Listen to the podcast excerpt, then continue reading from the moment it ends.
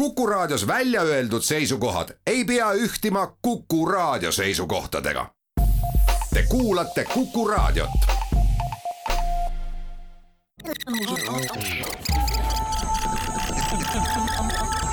digitund, digi, digitund, digitund.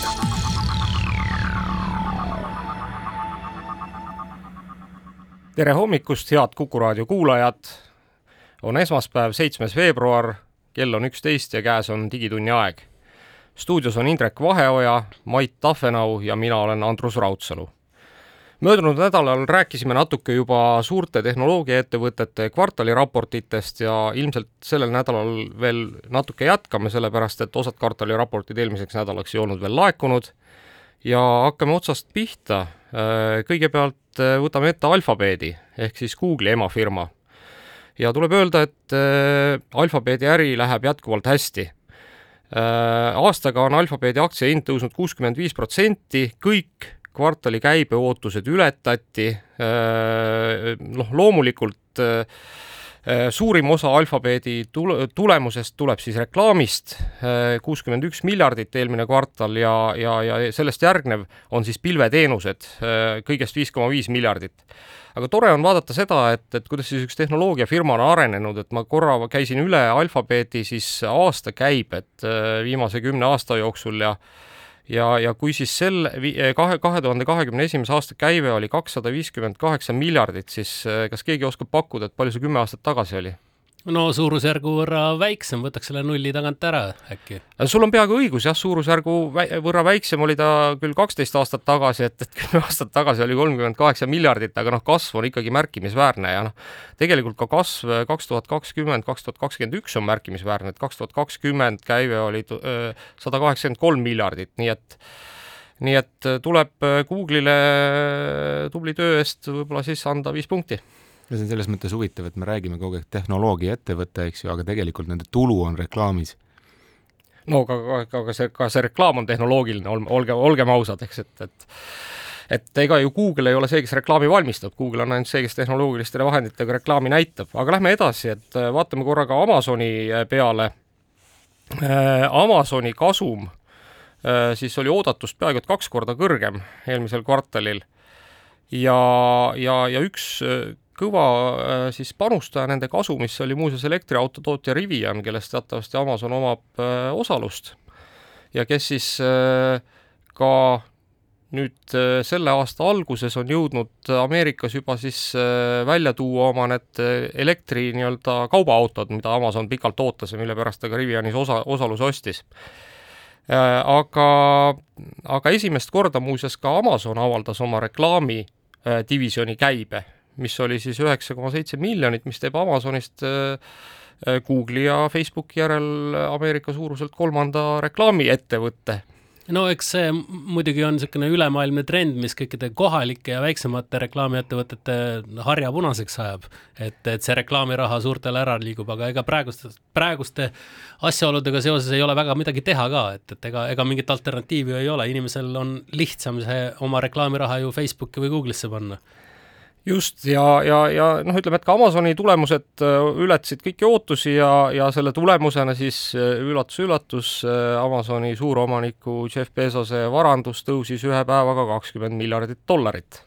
no Jeff Bezos on muidu, kui siin natukene mm, luksust puudutada, ka jõudnud väga paljude hollandlaste pahameele osaks saada, kuna ta siis laseb endale Rotterdamis äh, parasjagu ühte niisugust väga vinget jahti ehitada, aga et seda sealt dokist kätte saada, tuleb üks ajalooline sild korraks eh, demonteerida, mida siin paar aastat tagasi juba tehti ja öeldi, et nii, nüüd on kõik, seda silda rohkem ei puudutata. aga noh, kuna see summa on päris korralik, mis sinna sisse läheb, siis eh, noh, ütleme nii, et äh, on Hollandis palju pahameelt praegu ja seda jahti on mädamunadega loobitud juba ja ikkagi inimesed näitavad oma pahameelt välja. no aga kui inimene teenib ühe päevaga kakskümmend miljardit, siis võib ju endale lubada sellist asja. kuulge, aga, aga nüüd äh, tõenäoliselt lähme siis võib-olla möödunud nädala kõige äh, sellise põletavama kvartaliraporti juurde, et Mark Zuckerbergi rahas ei tahaks vist küll väga olla. et kui me rääkisime seda, et et äh, Jeff Bezos äh, võitis äh, oma kvartaliraportist kakskümmend miljardit, siis Mark Zuckerberg isiklikult kaotas peale selle kvartaliraporti avaldamist kolmkümmend üks miljardit, mis on noh, ma natuke suurem kui Eesti rahvuslik kogutoodang aastal kaks tuhat kakskümmend. Nii et no aga Zuckerbergil jäi hinnanguliselt umbes üheksakümmend miljardit veel alles, nii et jaa, kolm no, aastat kannatab, kannatab veel ära seda küll, jah. ja, ja Meta siis ehk Facebooki emafirma Meta kaotas eh, oma väärtusest kakssada kolmkümmend miljardit, mis on eh, teadupärast vist ajaloo kõige suurem ühepäevane kukkumine ühe ettevõtte väärtuses. aga räägime natuke nendest telgitagustest ka, et, et numbrid on toredad, et miks siis selline asi juhtus ja ausalt öeldes, kui nüüd siis vaadata seda, mille, kuidas Facebook aru andis, siis ega seal ühtegi head uudist ei olnud et esimene, mis kõik ilmselt tegi kõik analüütikud natuke närviliseks, on see, et esimest korda oma kaheksateistkümne aastase ajaloo jooksul teatas Facebook seda, et eh, päevaste kasutajate arv on hakanud vähenema. tõsi küll, see vähenemine oli noh, täiesti niisugune marginaalne, eks, et et ühe koma, noh, põhimõtteliselt ühe miljoni võrra ja me räägime umbes kahest miljardist kasutajast.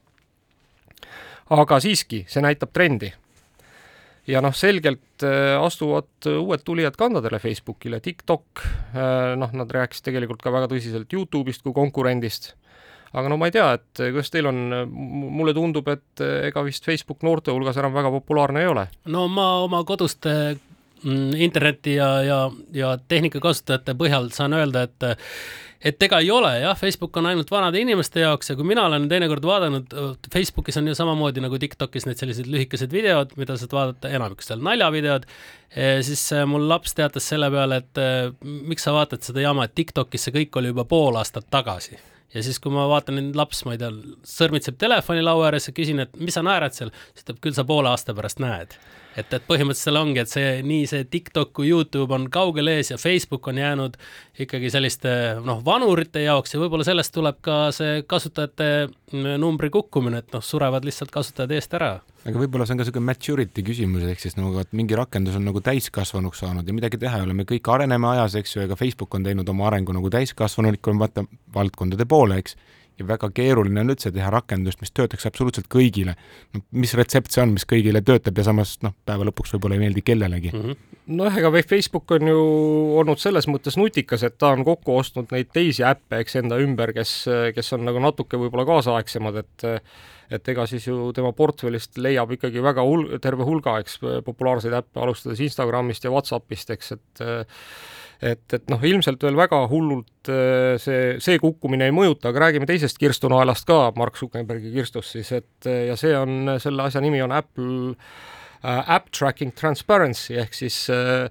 kõik, kes on, kasutavad kas iOS alates vist neliteist kuuest tuli see muudatus, kus siis iga kord, kui äpp avatakse, küsib telefon ka seda, et noh, et see äpp tahab sind jälitada ja kas sa oled selleks nõus ja noh, üllatus-üllatus, loomulikult üle kuuekümne protsendi kasutajatest ütleb, et ei ole. Ja, ja, ja, ja, ja see on olnud äh, nüüd väga tõsiseks äh, probleemiks Facebooki just reklaamitulude saamisel, sellepärast et enam ei ole võimalik kasutajaid jälitada, enam ei ole võimalik neile reklaami niimoodi suunata ja see mõjutab raha teenimise võimet. Seal on see teine küsimus muidugi veel, et äh, ma arvan, et see reklaamitööstus arenebki selles suunas, kus me enam ei taha võib-olla või noh, ei saagi nii täpselt sihtida, nagu me vahepeal saime, et me võib-olla harjusime ära natukene niisuguse nagu mõnusa maailmaga, et me saame nagu täpselt sihtida ühte ja teist ja kolmandat, aga võib-olla me liigume natuke tagasi niisuguse nagu laiema pildi juurde ja see on lihtsalt okei okay,, et lihtsalt me peame uuesti tagurpidi harjumuse tegema ja, ja võib-olla oligi tehnoloogia selles mõttes ajast ees. jaa, aga räägime veel kiiresti ka kolmandast kirstunaelast ja kolmas kirstunael on nimega Reality Labs ehk see on siis äh, meta äh, metaversumi divisjon ehk äh, hetkel see Reality Labs siis küll põhiliselt teenib raha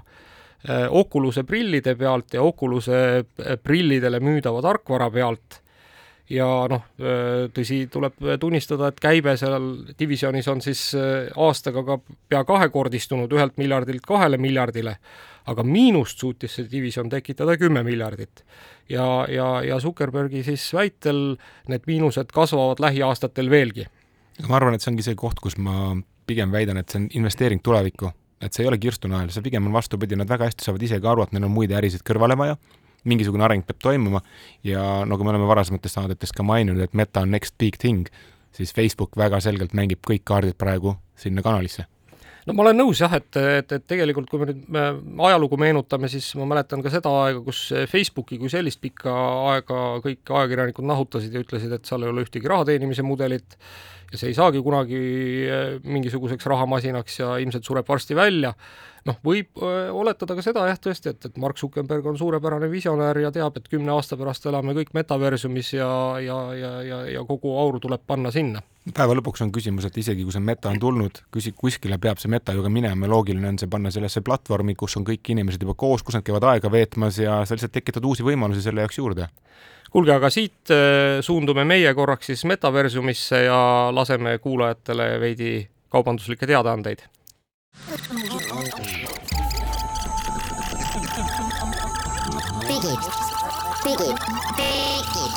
digitund, digitund. tere tulemast tagasi Digitunni saadet kuulama. Jätkame eh, tehnoloogiafirmade nii tulemuste vaatamist kui ka nende tegevuste analüüsimist. möödunud nädalal stuudios on Indrek Vaheoja, Mait Tafenau ja mina olen Andrus Raudsalu ja võtame korra ette Spotify. Spotify'st me rääkisime juba ka möödunud nädalal, nimelt oli seal selline väike skandaal või võiks isegi öelda, et mitte väga väike skandaal, päris suur skandaal. no skandaal jätkub, et ega see ei ole kuskile ära vaibunud ja möödunud nädalal siis äh, oli jah, Joe Rogani mm, küsimus õhus, mis äh, viis Spotify'lt päris palju ka rahasummasid siis minema ja oli siis küsimus eh, Joe Rogani podcast'ide osas eh, siis seoses selle info kvaliteediga ja, ja küsimus on siis ka koroonas ja Covidis ja, ja praeguseks on nüüd läinud asjad nii kaugele, et on eemaldatud sada kolmteist Joe Rogani podcast'ide episoodi siis Spotify'st kokku juba, möödunud nädalal seitsekümmend ja nüüd siis lisati juurde Neid siis enam sealt kuulata ei ole võimalik ja lisaks siis sellega sama koroona probleemidele leidus siis ka mm, uus skandaal, kuna siis Joe Rogan kasutas noh, väga inetut N-sõna ja, ja selle peale Ameerikas teadupärast lähevad asjad ikkagi väga kurjaks kohe ja nüüd on sõna võtnud siis ka Spotify CEO, kes siis ütleb, et noh, et ongi, et need äh, teatud episoodid eemaldatakse, nad Roganit äh, siis äh, vaikima ei sunni, et see võimalus ikka jääb ülesse. Küll aga öeldi, et nüüd Spotify paneb sada miljonit dollarit, mis on siis sama summa, mis maksti Roganile, selleks, et siis arendada, turundada, aidata levida siis erinevate varem siis tasalülitatud ja diskrimineeritud muusikute gruppidele, et ühesõnaga igasugused erinevad Äh, muusikud saavad siis Spotify uuest programmist selle sada miljonit dollarit. Vau, vot see on, see on tõesti vägev uudis, sellepärast et et ütleme nüüd niimoodi, et kui me vaatame Spotify äh, äh raha teenimisvõimet, siis äh, ega Spotify on ju jätkuvalt kahjumlik ettevõte ja, ja, ja noh, ma arvan, et see sada miljonit välja makstavat raha viib siis selle, suurendab jällegi seda kahjuminumbrit. ja noh, ütleme, et iseenesest äh, see sada miljonit, mis maksti Joe Roganile, see oli täiesti pretsedenditu ja noh, vist on üldse pretsedenditu nagu kogu siis selles podcast'i maailmas, eks, et, et, et selline summa oleks kellelegi välja makstud.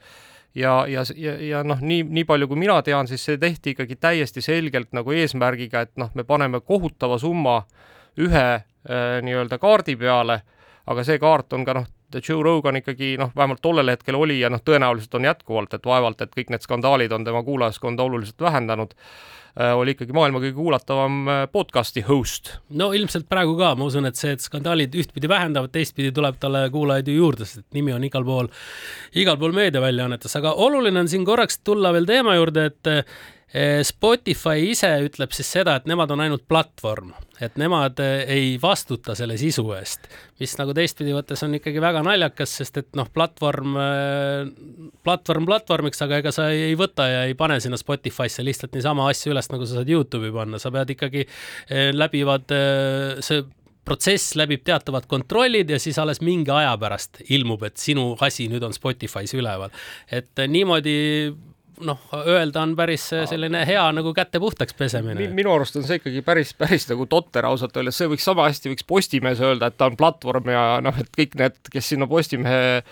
lehte siis midagi kirjutavad või portaali, et need on siis platvormi kasutajad ja Postimees ühtegi, ühtegi vastutust ei võta või noh, me võime öelda siin, et Kuku raadio on platvorm ja noh, me võiksime hakata siin ka siis äh, noh, kasutama, eks. keda iganes vihkama või mis iganes äh, batsille kahtluse alla seadma, nii et aga Nii et- samas siiski Facebook on seda korduvalt öelnud, nemad on platvorm ja kõik on seda aktsepteerinud. jaa, aga vaata, Mait, seal on oluline vahe on selles, et et kui sina kirjutad Facebooki postituse, siis või noh, ükskõik isegi kui sa kirjutaksid iga päev nagu sada postitust, siis sulle tõenäoliselt sada miljonit palka selle eest ei makstaks. et kui sa nüüd äh, ikkagi Spotify on teinud otsuse, et me maksame sada miljonit ühele mehele selle eest, et ta siin meil nagu eetris midagi räägiks, siis äh, mulle lõhnab see ikkagi väga selgelt nagu teadliku tegevuse järele, et ei olnud noh, ega nad ju siis seda Joe Roganit nagu selles mõttes kui põrsast kotis ei ostnud. ja need episoodid on juba ammu ära salvestatud, paljud, eks ju, küll palju on ka juurde tulnud, aga vanad episoodid ju see ka oli. oluline Just. täpsustus Ja- ja tegelikult, selles muuseas- mõttes tõesti nagu jah, vajab jah, ju jah. selgeks saamist, et millisel juhul me oleme platvorm ja millisel juhul me tegelikult ei ole. ja, ja, ja muuseas pa- palju õnne sulle, kui sa sooviksid siis nagu midagi Spotify'sse üles laadida, et noh, Youtube'i me kõik teame, kuidas saab asju üles laadida, aga katsu sa Spotify'sse midagi üles laadida, tegelikult ei ole võimalik. nii et selles mõttes Spotify ikkagi tegeleb täiesti tavalise nii-öelda publitseerijana, noh, ma ei tea, tehes lepingut äh, muusikutega või, või, või siis podcast'i tegijatega, kellega iganes ja, ja müües edasi nende sisu, et see, huvitav, kellest nüüd võidab see Joe Rogani materjal kindlasti ei ole ju kuskile kadunud, mis maha võeti, see kolib kuhugi teise platvormi, milline platvorm võiks võita sellest? Ma ei tea, kas, kas ma arvan, et ükski platvorm praegu seda materjali väga seda ei, väga ei ihanda endale. ma. ei tea, no Joe Rogan paneb ise kuskile ülesse need vot täpselt, kuskile ikkagi saab üles riputada, lõpuks me ikka leiame kuskilt. Google Drive'i. kuulge, aga, aga vaatame korra, võib-olla võtaks selle Spotify teema natuke rohkem isegi pulkadeks, et, et Indrek, sina oled äh, ju ka muusik, et mitu lugu sul Spotify's üleval on? ohoh, kokku on neid ikkagi paarkümmend äkki, ma mõtlen, aga kui te nüüd kohe tahate teada loomulikult, et palju ma kõige selle pealt raha olen teeninud, no ma olen oma lugude sõnade autor üldjuhul, siis need summad on väga marginaalsed. ütleme niimoodi, Eesti autorikaitsest eh, ma olen küll saanud oluliselt rohkem raha kui siis eh, näiteks Spotify'st, et ma tegin siin väikese statistika ka, et eelmisel aastal, nüüd umbes aasta aega on Spotify's olnud Redeli lugu Tartu, mida on mängitud vist sada kakskümmend tuhat korda äkki Spotify's juba. noh, selline äh, jääb ikkagi alla kolmesaja dollari mis on siis kogu see summa, mis tuleb veel omakorda jagada kaheks, sest et kaks autorit ja nii edasi, nii edasi. et, et ega see ei ole teab mis, teab mis suur raha. kas ma julgen siis õigesti järeldada, et artistid, kes panevad oma muusika Spotify'sse, kes ei ole maailmakuulsad, et nende jaoks Spotify on rohkem niisugune turunduskanal või lihtsalt, et olla olemas või mis on see motivatsioon? pigem on ikkagi turunduskanal, sest muidu oli see, et oot, ma ei tea, ma ei taha Spotify'sse oma lugusid panna, et muidu inimesed ei osta plaati. noh, tänapäeval kohe see plaadi ostmise küsimus äh, on, on selline, et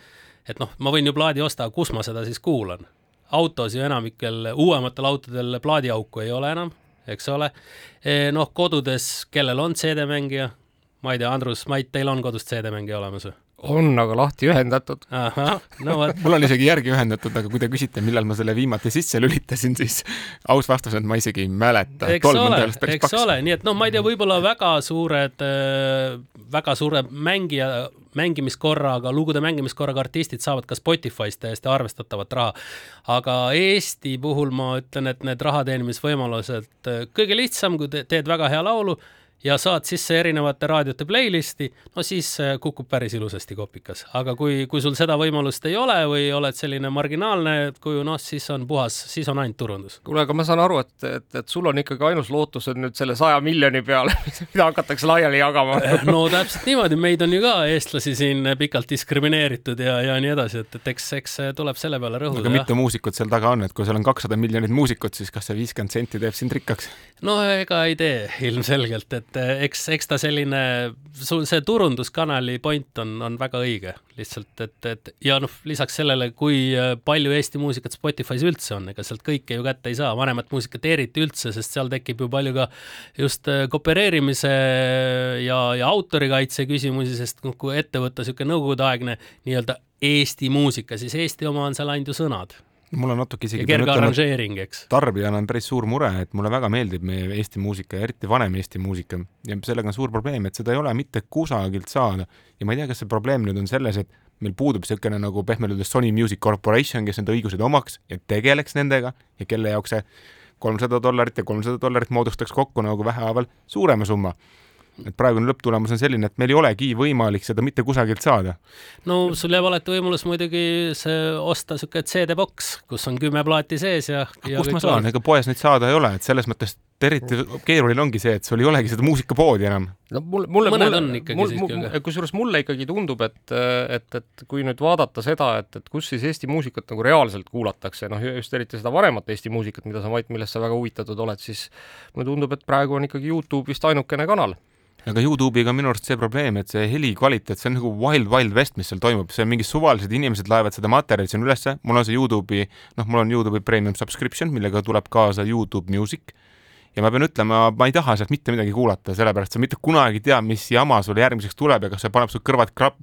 kõrvad valutama või mitte. vaata, Mait, sinusuguseid audioperverte on tugev vähemus, neid on tugev vähemus, enamus inimesi kuulab,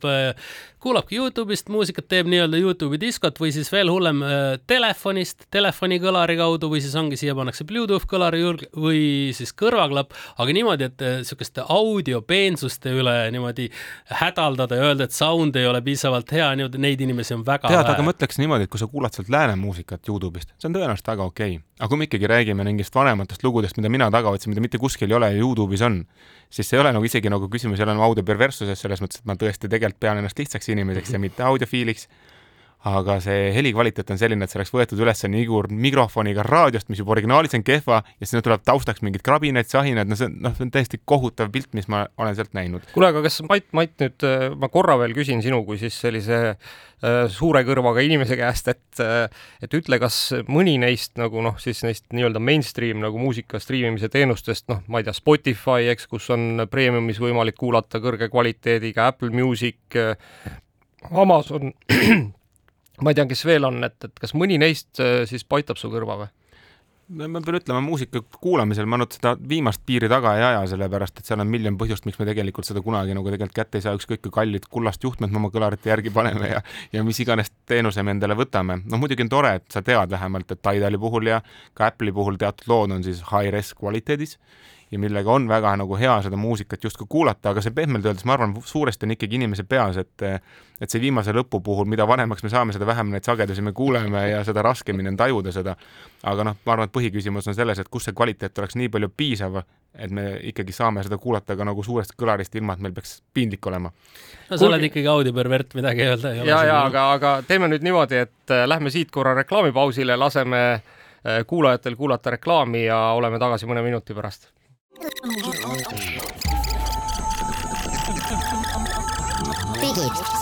digid, digitund, digitund.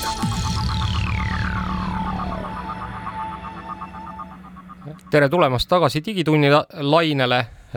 arutasime siin just muusika striimimise teenustest ja nende kvaliteedist ja jätkame ilmselt samal teemal, et Mait, sina äh, Äh, rääkisid sellest, et, et jõle kehv on kvaliteet. kuidas, kus siis saab ikkagi seda head kvaliteeti, räägime veel edasi natuke sellest, see hakkas, see hakkas mind, mulle põnevust tekitama, see teema. tead, selle hea kvaliteediga on veel üks mitu huvitavat uut täiendust tekkinud, et küsimus ei ole ainult selles, et saada maksimaalse kvaliteediga, vaid küsimus, kas me saame sellest muusikast midagi ekstra. ja sellest on aegade jooksul olnud erinevaid tulemusi, noh kunagi tuli stereo, eks ju, siis tuli Dolby ja noh, tegelikult on hästi palju erinevaid süsteeme ja nüüd Apple on siis võtnud nagu uue suuna, öelnud, et spatial audio on tulevik ja kõik uued muusikad äh, tulevad spatial audios, mis on nagu veel eriti nagu äge, et seal tuleb igast efekte, kus sa tajud, et see muusika tuleb nüüd kolmeveerandi kuskilt diagonaali pealt ja kõike muud. lisab ruumilisust siis juurde, jah? just, kuigi ma pean ütlema jällegi nagu mina olen nüüd seda proovinud testida mingisugusel hetkel erinevate nende demode ja, ja lugudega ja ma ütlen ausalt, et ma ei tea, minu arust stereo is good enough for music, et kui ma vaatan filmi, vot siis ma väga nagu hindan seda, et mul see film tuleks ümberringi ja mul on lausa natukene kurb meel, et meil tegelikult äh, vähe kasutavad filmitootjad neid efekte ära, et tegelikult võiks vabalt tulla kuskilt selja tagant keegi läbi joosta ja koputada kuskilt ootamatult õudusfilmi ajal selja tagant mingi nurga pealt, mida sa ei oska võib-olla oodata. aga muusika koha pealt ma ütlen ausalt, mind isiklikult see ei eruta no selle jaoks peavad olema ka ikkagi äh, kuulamiseks äh, teatavad äh, võimalused olemas, et niimoodi nagu tavainimese jaoks ma ütlen, minu arvates on niimoodi, et see muusika kättesaadavus on palju tähtsam asi kui see, et, et mil, kas seal on mega hea sound'i kvaliteet, kas ma kuulen neid kõrgeid toone hästi või et kas on ruumiline heli mu ümber, et ma tahaks niimoodi, et üks kidramees mängib mul ees vasakul ja teine on taga ja basstrumm võiks mul läbi selgroo käia ja nii edasi. tavakuulaja tahab seda, et ma võtan oma Spotify, Youtube'i, mis iganes lahti, trükin sinna oma lemmiku sisse ja antagu mulle nüüd muusikat. ma olen selles mõttes samas paadis, et muusika üldse igasuguse teenuste tarbimine peab olema mugav. et mida mugavamalt meil selle kätte tuleb, et, et, et ka Bluetooth klapid ju on tulnud selle jaoks, et meil oleks ikkagi mugavam kuulata, et sa lähed jooksma ja need juhtmed ei tolganda sul kusagil jalus või, või kõige tüüpilisem näide, et sa paned klapid järgi, istud arvuti taga, teed rahulikult tööd, järgmisel hetkel sa unustad ära, et sul olid klapid peas, tõused püsti ja tõmbad siis kas juhtme puruks või halvemal juhul arvuti laua pealt maha no mi, mi, minu arust on siin on ikkagi hästi oluline just see, ma tahaks selle mugavuse momendi juures veel ühest asjast rääkida, et et mina, kes ma olen olnud noh, praktiliselt kõikide striimingu teenuste kasutaja väga pikka aega ja olen, olen olnud Spotify kasutaja vist algusest peale üsna, üsna pikalt ka neile raha maksnud ja, ja noh, ütleme, et mingil hetkel vot, kui tekkis see Spotify Family account, noh, siis on see, et katsuge mitte maksta, on ju, et siis teil tulevad äh, mõned äh, pereliikmed ja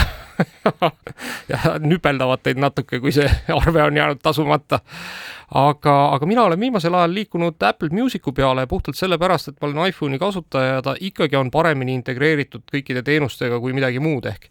ehk, ehk näiteks kui ma tahan nagu oma, oma autos sõites öelda oma telefonile, et mängi mingisugust muusikat, siis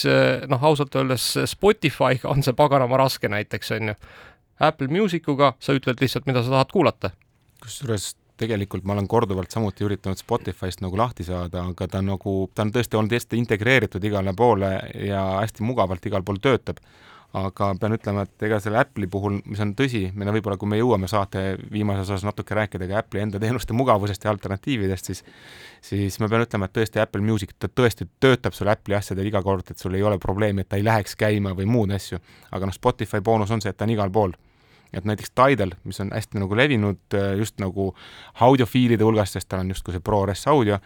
ta tegelikult teeb ka väga head tööd ja on helitehnikat, mille ostes on juba see integreeritud, aga enamus muudest platvormidest,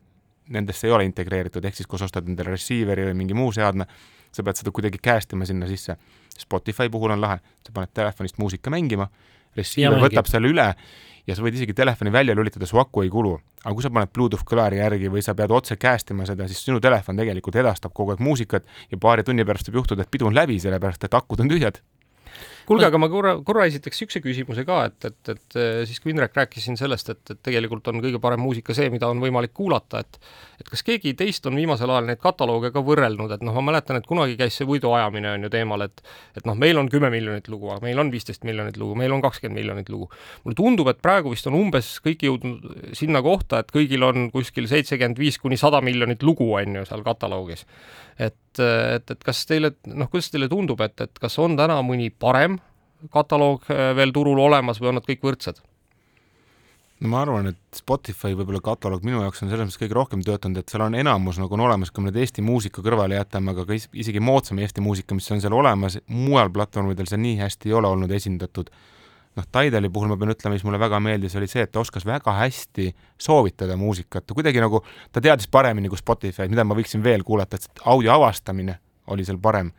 aga albumite koha pealt? Äh, Spotify puhul ongi, see toimib täpselt samamoodi, kui sa tahad ise saada uut muusikat äh, juurde, siis ta annab päris hästi, sa ise oma otsingutega ei jõua kunagi, sa ei jaksa otsida, kes see jaksab otsida ja siis mingit suvalisi asju hakata kuulama, veendud, oi, mulle see ikkagi üldse ei meeldi. aga noh, Youtube'is, mis on tegelikult vist üldse kõige suurem koht, kust muusikat kuulatakse, seal on see häda, näiteks kui mina panen mingid oma Eesti muusika lemmikud käima, siis ta viskab mind paari niisuguse äh, looga ikkagi niimoodi, et ma pean taagat kuulma hakkama, et, et võib-olla ma noh, kui ma oleks tahtnud kohe kuulata, siis ma oleks kohe pannud selle peale, et, et seal mingid äh, sellised algoritmid äh, kuidagi väga naljakalt toimivad, et Spotify selles osas mulle töötab palju paremini aga ma arvan, et siit võiks ühe niisuguse huvitava teema kõrvale võtta ja kui me rääkisime ennem Eesti muusikast, siis Eestis on korduvalt tehtud ka katseid seda Eesti muusikat kuidagi nagu mugavusteenustesse tuua ja võib-olla rääkida natuke ka võib-olla piraatlusest siia kõrvale, et, et, et miks üldse piraatlus on mugav. et ma alustaks sellest, et miks üldse piraatlus kunagi tuli oli see, et, et tihtipeale meil ei olnud võimalik osta, noh, üks asi muidugi, et võib-olla raha oli vähe, aga teine asi on see, et küsimus on mugavuses. et paljud inimesed, kellel oli näiteks originaal, ma ei tea, play, mängukonsooli plaat olemas, siis ta häkkis oma konsooli ära sellepärast, et jõle tüütu oli seda plaati sinna kogu aeg masinasse panna, mitte et ta ei tahtnud öö, öö, mängida ausalt, ta tahtis küll ausalt mängida, ta isegi ostis selle plaadi, aga see ei olnud mugav. ja muusikaga on samasugune lugu, et, et kui see on mugavalt kuskil kättesaadav, siis me kuulame seda hea meelega oma mm, mingisugusest striimiteenusest ja Eesti muusika on täpselt see koht, kus meil ei ole seda muusikat olemas ja nüüd on küsimus, et noh, õnneks peab, peab ütlema, et piraatlus on vähenenud, sest see ei ole enam mugav. piraatlus on muutunud ebamugavamaks, inimesed ei viitsi sellega tegeleda, lihtsam on maksta paar dollarit ja kasutada mõnda teenust. aga Eesti muusikaga on seis väga kehva ja ma vaatasin, et on Eestis uus teenus, Fermus, kus justkui peaks siis olema nagu ausamalt autoritele jaotatav tulu, eks ju, ja kõik on väga äge. võtsin selle rakenduse, panin käima ja ma pean ütlema ausalt, ma ei leidnud seal mitte midagi, et selles mõttes, et nagu jõle kurvaks teeb, et, et sa tahad tarbida seda teenust, et kas on Eestis mõni koht, kus ma võiksin üldse saada Eesti muusikat mugaval kujul, nii et ma saan seda autos kuulata, kus ei ole enam CD-mängijad, rääkimata vinüülimängijast, eks ju. ja kõik, ja kõik sinu lemmikud on seal olemas ka, seda sa tahad, siis sa pead ikka Youtube'i võtma, ega sul väga palju variante ju ei ole. et noh, see Fairmus on äh, tore küll, aga seal on põhihäda ongi see, nagu sa ütled, ega ei ole sinna veel väga palju Eesti autoreid äh, ja esitajaid liitunud sellega, et et algus on tehtud, aga, aga see võtab aega, aga aga ma arvan, et jah, kõige suurem valik vist praegu ongi ikkagi Youtube'is ja aga tavakasutaja sellest ju aru ei saa, kas see on äh, sinna piraatluse korras üles laetud või selles playlist'is on täiesti kõik õigused makstud äh, ja kaitstud äh, stiilis lugu, et ega sellest sa ju aru ei saa, kui sa kuulad. sa saad aru küll, et vaba, mõni lugu on läbi soki kuidagi lindistatud ja sinna jõudnud, aga see tulebki noh, seetõttu, et ei tea, kust see saadud on ja üles ta laetud on ja ei ole jõutud veel maha võtta ma julgeksin ühe üleskutse teha, et, et artistid, et ma ei tea, kellele need õigused kuuluvad, eriti vanemal muusikal, eks, ja, ja igasugustel ägedatel kogumitel, mis on aegade jooksul välja lastud, aga noh, minu arust riiulis seistes nad ka tulu kuskilt ei teeni, et okei okay,, Spotify'st suurt tulu ei tule, aga vähemalt on see kuskilt kättesaadav mingisugusel mugaval kujul. et ei ole ju tore, et, et me pehmelt öeldes unustame ära ja suuname oma tarbijad kõik kuulama lääne muusikat, sest muid alternatiive ei ole no see on ähm, teema, mis vajab edasist arutelu, me täna sellega nüüd lõpetame ja kuulame natukene siis kommertsteadaandeid.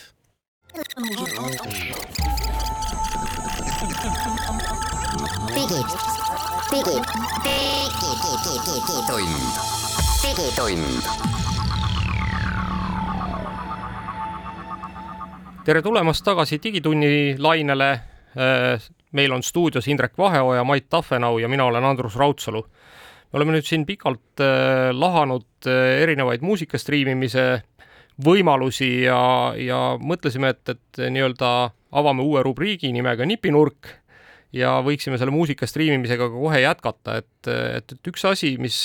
millega me vist kõik kokku puutume, on see, et, et kui sa autos sõidad, siis noh, kes kuulab autoraadiot, ma loodan, et ma, ma tõesti loodan, et enamus inimesi ikkagi kuulab Kuku raadiot autos ja mitte midagi muud, aga need, kes ei kuula, siis eh, neil on eh, küsimus selles, et, et kuidas saada siis eh, noh, kas oma muusikat või podcast'e sinna autoraadiosse? Vot vanasti saadi kõik see muusika autosse Bluetoothi kaudu, eks ju, noh enne seda oli veel olemas AUX kaabel, mida sai juhtmega järgi ühendada, aga, aga ikkagi mugavuse poole me liigume ja Bluetooth oli see, mis võttis väga pikalt nagu endale aga Bluetooth ei ole jäänud nagu ainsaks nagu ägedaks asjaks, et on juurde tulnud uued tehnoloogiad nagu CarPlay ja Android Auto, mis võib-olla täna enam niivõrd uued ei ole, aga kui me vaatame oma keskmist autoparki tänavatel, siis ma arvan, et enamustel inimestel täna veel niisuguseid asju ei ole autos.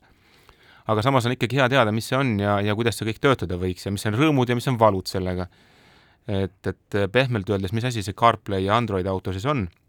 on see, et sinu infotainment süsteemi siis telefonist kuvatakse niisugune telefonilaadne vaade, mis on optimeeritud selle jaoks, et sul oleks nagu autoga sõites turvaline seda ekraani siiski näperdada, et sealt on eemaldatud rakendused, mis edastavad videot või kõike muud segavat ja on jäetud alles niisugused asjad. Tinder on näiteks ära võetud seda sõidu ajal ei saa ikkagi, eks ju, selle jaoks on teised ajad. aga, aga samas on alles jäetud need asjad, mis on nagu sõidu jaoks olulised, ehk siis kaardirakendused, navigeerimine eh,, mugav helistamine niimoodi, et sa ei peaks seal väga palju keeruliselt sobrama ja muusika kuulamine ja, ja, ja arvan, et see navigeerimine ja muusika kuulamine on peamised asjad, mida üldse me tegelikult tahame, et, et enne vanasti panid sa eraldi GPS-i, siis nüüd sa saad sellesama Google Maps'i, Waze'i või, või iPhone'i kaardirakenduse panna sinna ekraani peale no minul on korralik thumb-user'i küsimus, meil autos naise telefon, noh, on, eks ju, juhtme otsas, lööb ilusti Waze'i kohe ekraanile. mina panen ja panen ei midagi.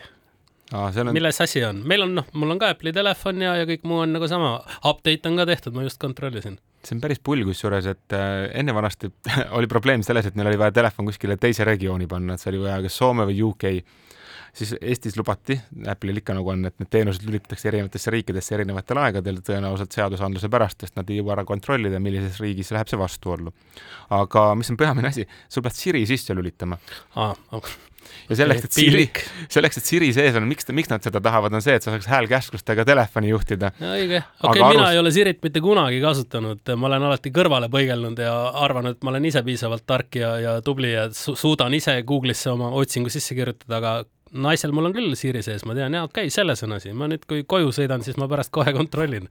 Saan ka ikkagi infoajastusse. see on üsna hea näide sellest, et ega nagu see Apple'i probleem on ka selles, et kui nad originaalis tulid välja telefoniga, kus olid kõik asjad hästi, siis tänasel päeval on nad ikkagi nagu nii tihedaks kasvanud, et nad ei jõua neid kombinatsioone ära testida ja ta ei ütle sulle ka mm. -hmm. mingis teises regioonis minu arust ütles aga meie regioonis ta ei ütle, et sul on Siri väljas. ja midagi ei ütle, ma lihtsalt tambin seda CarPlay nuppu seal ja ei juhtu mitte midagi. jaa aga räägime natukene nendest võimalustest veel, et, et CarPlay on tegelikult mõned sammud edasi teinud, sa ei pea enam panema seda kaablit sinna tegelikult kõikidel juhtudel järgi. et kui sa ostad päris uue auto, siis seal on tõenäoliselt wireless CarPlay. ja vanematel autodel on võimalik vahele osta adapter, kes siis äh, teeb sulle wireless CarPlay ja ma pean ütlema, seesama auto, mis sinul, panin sinna sellise adapteri vahele, need on mitu erinevat turul saadaval, ja pean ütlema, väga hästi töötas, kuni iOS viieteistkümneni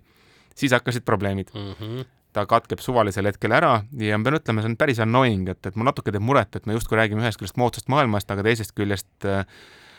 autotööstus on selline koht, kus me ei saa lubada seda, et sul keset kiirteed järsku see pilt kaob ära. ma olen vahel tuttavatele ka öelnud, kellel on ka päris uus auto, kus on see sisse ehitatud, et kui sa ikkagi lähed kindla peale välja, et sul on seda vaja, siis tollel päeval pane see juheselt kindla aeg-käest endale järele ja kui sul äh, ei ole nii elukriitiline, näiteks sõidad kontorisse tööle, aga samas tahad ikka näha, et kuule, liivalaia on umbes, siis võid proovida. siis on jumala äge, väga mugav, sul telefon on kuskil taskus, sa isegi ei mäleta, millises taskus istud autosse, kõik need informatsioonid sinna tulevad ja, ja see on väga-väga mugav. aga mis on natukene probleeme veel? CarPlay võib-olla ütleme siis, kui Apple'ist rääkida,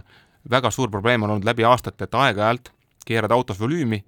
ja sa näed, et see navigatsioonikoon tuleb sinna mm, infotainment'i peale ja sa ei saa aru, volüümi keerata ei saa, ei raadiol, mitte ühelgi asjal ja ma väga pikka aega isegi maadlesin ükskord sellega ja, ja ei saanud aru ja sa ei saa seda testida ka, lihtsalt võtad järelt ära, paned tagasi ja mingil hetkel on ta korras. aga mingi hetk ma raalisin välja, veis oli süüdi ja kui hakkad otsima hiljem sellest, siis sa leiad teisi inimesi veel, kes on sellega probleemi ees.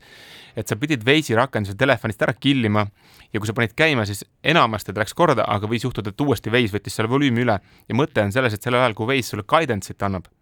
et sellel ajal saad seda guidance'i volüümi keerata. aga siis, kui sul seda parasjagu guidance'it ei ole, ta peaks jätma selle Maci volüümi, aga millegipärast hoidis selle guidance'i volüümi peal ja täiesti kohutav tunne, sa arvad, et auto on süüdi, aga tegelikult see oli autotootjast sõltumatu probleem, nii et kill'id Waze'i rakenduse telefonist ära, sulged selle rakenduse täielikult ja, ja asi laheneb. ja teine nõme asi, mis on CarPlay'ga tekkinud peale iOS viieteistkümne tulekut, on see, et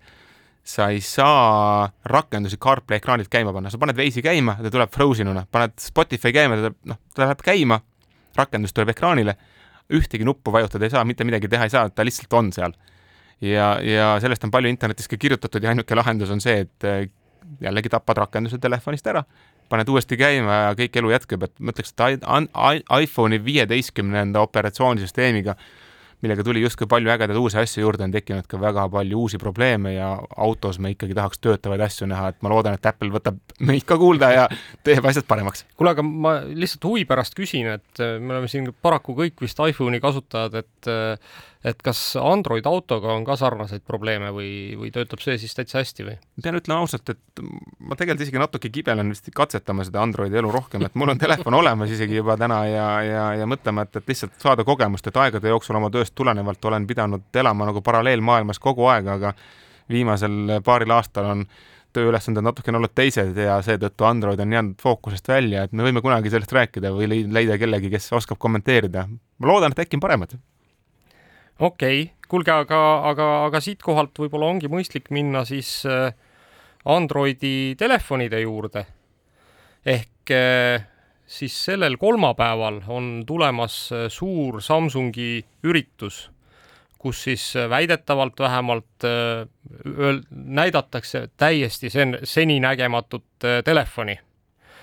Ja, ja ausalt öeldes olen siin, noh, ma olen küll oma peas isegi üritanud mõelda, et mis see täide-, täiesti seninägematu telefon siis olla võiks, et, et noh, minu, minu nägemuses küll täiesti seninägematu telefon võiks olla selline, et nutitelefon, mille aku peab vastu nädal aega, näiteks. Hmm aga, aga ma kahtlustan, et seda me kahjuks ei näe, sellepärast et see eeldab seda, et see telefon peaks olema suhteliselt paks ja raske ja noh, ei no see eeldab seda, et sa ei kasuta seda telefoni enamik no, aega, siis, siis võib-olla peab küll, eks ju. jah, ja tänapäeval ikkagi kiputakse telefone tegema pigem peenemaks ja kergemaks. aga ma arvan, et üks asi, millele tasub tähelepanu pöörata, et me oleme siin äh, nüüd mõni nädal juba seda uudist oma peas kandnud ja mõelnud, et kas sellest peaks ka kuidagi rääkima, et eh, tegelikult eh, teatas Samsung, et on toonud välja uue mobiiliprotsessori, mille nimi on siis Exynos kaks tuhat kakssada. Äh, ja, ja seal on üks oluline muudatus, mida, mida täna ükski teine mobiiliprotsessor ei paku. nimelt on siis sinna sisse ehitatud AMD ehk siis tuntud graafikakaartide tootjaks AMD RDNA kaks arhitektuuriga Äh, nii-öelda siis graafikaprotsessor. Ja see on samasuguse jõudlusega nagu Playstation viies, võib-olla et isegi vaata, et äh, natuke suurema jõudlusega, seepärast väidetavalt on Playstation viies mitte siis teine generatsioon, vaid generatsioon üks punkt viis sellest RDNA tehnoloogiast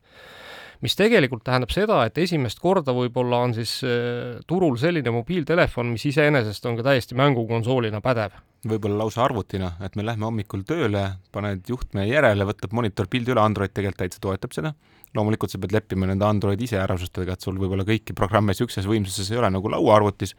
aga noh, enamus inimesi neid ju ei vaja. Lähed hommikul tööle, paned telefoni juhtme järgi ja ainuke ebamugavus on see, kui telefonikõne tuleb, et, et kuidas seda mittesegavalt vastu võtta ah, et selles mõttes, et oled parasjagu Exceli tabelis ja, ja, ja siis vaatad, et kui palju nagu investeerimine, ma ei tea, Google'i aktsiatesse on sulle kasu toonud ja oi kurja, viimasel hetkel on ju siis, kui seda hakkad kokku liitma, tuleb telefonikõne. no siis on vana hea, et lähed tööle ja do not disturb peale, et, et sul keegi helistada ei saa sellel ajal jaa, aga muuseas üks, üks asi, mis, mis siis selles samas uues protsessoris on veel ja mida, mida noh, ütleme, et siin ka mõned tehnoloogiaajakirjanikud on kõvasti oodanud sellest uuest telefonist, et et olgem ausad, et telefonide kaamerad ei ole teinud ka noh, mingisugust nüüd sellist väga suurt hüpet enam, et noh, ega seal on ka väga raske teha, eks, et, et noh, me mäletame kõik seda, et kui telekad tegid ühe megapiksliseid pilt, pilte,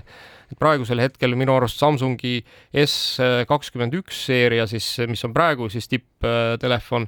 teeb saja kaheksa megapiksliseid pilte või on seal vähemalt saja kaheksa megapiksline siis sensor, noh, ma ei tea, kuidas need pildid võib-olla noh, nii-öelda arvutatakse kokku natuke väiksemad, aga see, see, see, seeläbi ka parema kvaliteediga, siis nüüd eh, vähemalt seesama uus Samsungi protsessor äh, toetab kuni kahesaja megapiksliseid äh, sensoreid, mis tähendab seda, et, et see nii-öelda kaamera kvaliteet võib veel kaks korda kasvada. See on huvitav, et need megapikslid ikka taga aetakse, aga noh, loomulikult nagu sa ütlesid, see on võimalus, tegelikult fakt, et kas keegi seda kunagi kasutab, on omaette küsimus. aga noh, ma toon niisuguse paralleeli, et Apple'i iPhone'is ei ole mingeid suuri megapiksleid, Samsung on vist ainus, kes saab need taga ja Nokia ka tegelikult mingil hetkel ajas ja see on iseenesest väga äge, aga mis on probleem suurte megapikslitega, pilt jääb väga müraseks aga nende madalate megapikslite võib-olla nagu boonus on see, et, et ma julgen öelda, et tegelikult on küll viimase kahe poole aasta jooksul on telefoni pildistamine läinud oluliselt paremaks ja eelkõige pimedas pildistamine. ja see on niivõrd heaks läinud, et äh, ma ütlen, et vaat pimedast tehtud pildiga telefoni kaamera pilt võidab suurt kaamerat. ma väga fänn on oma suurt kaamerat, kui vähegi mul aega sellega tegeleda, aga telefoni see night shot, see on nagu uskumatult võimas, et sa saad säritada käest väga pika säriga ja väga kaunid pildid. kuule, aga siin mina, mina ütleks, kui me nüüd natuke juba sinna kaameramaailmasse läksime, siis mul on selline tunne, et tegelikult ega neid suuri kaameraid ikkagi enam väga palju ei toodeta, et noh, kui me vaatame seda, et et siis äh, äh, Nikon minu teada on lõpetanud peegelkaamerate tootmiseks, läinud ainult hübriidkaameratele, Canoni kohta ma ausalt öeldes ei oska veel öelda, et et, et ühel hetkel on see, et, et tegelikult see nii-öelda task, noh ja mida fotograafid ütlevad, kõige parem kaamera on see, mis sul on alati kaasas. no just, mugavuse küsimus nagu tänase saate läbiv teema, mugavus. mugavus ikkagi, jah. et, et mis tähendab seda, et, et see, mis sul taskus on, on ju, kui sa saad sellega teha nagu superpildi, on ju, siis ei ole vaja ühtegi teist kaamerat kaasas kanda. kuulge, aga siit selle koha pealt me peame saate kokku tõmbama, meie aeg on tänaseks otsas Äh, kohtume teiega, head kuulajad, juba tund vähem kui nädala pärast ja olgu teil vägev diginädal.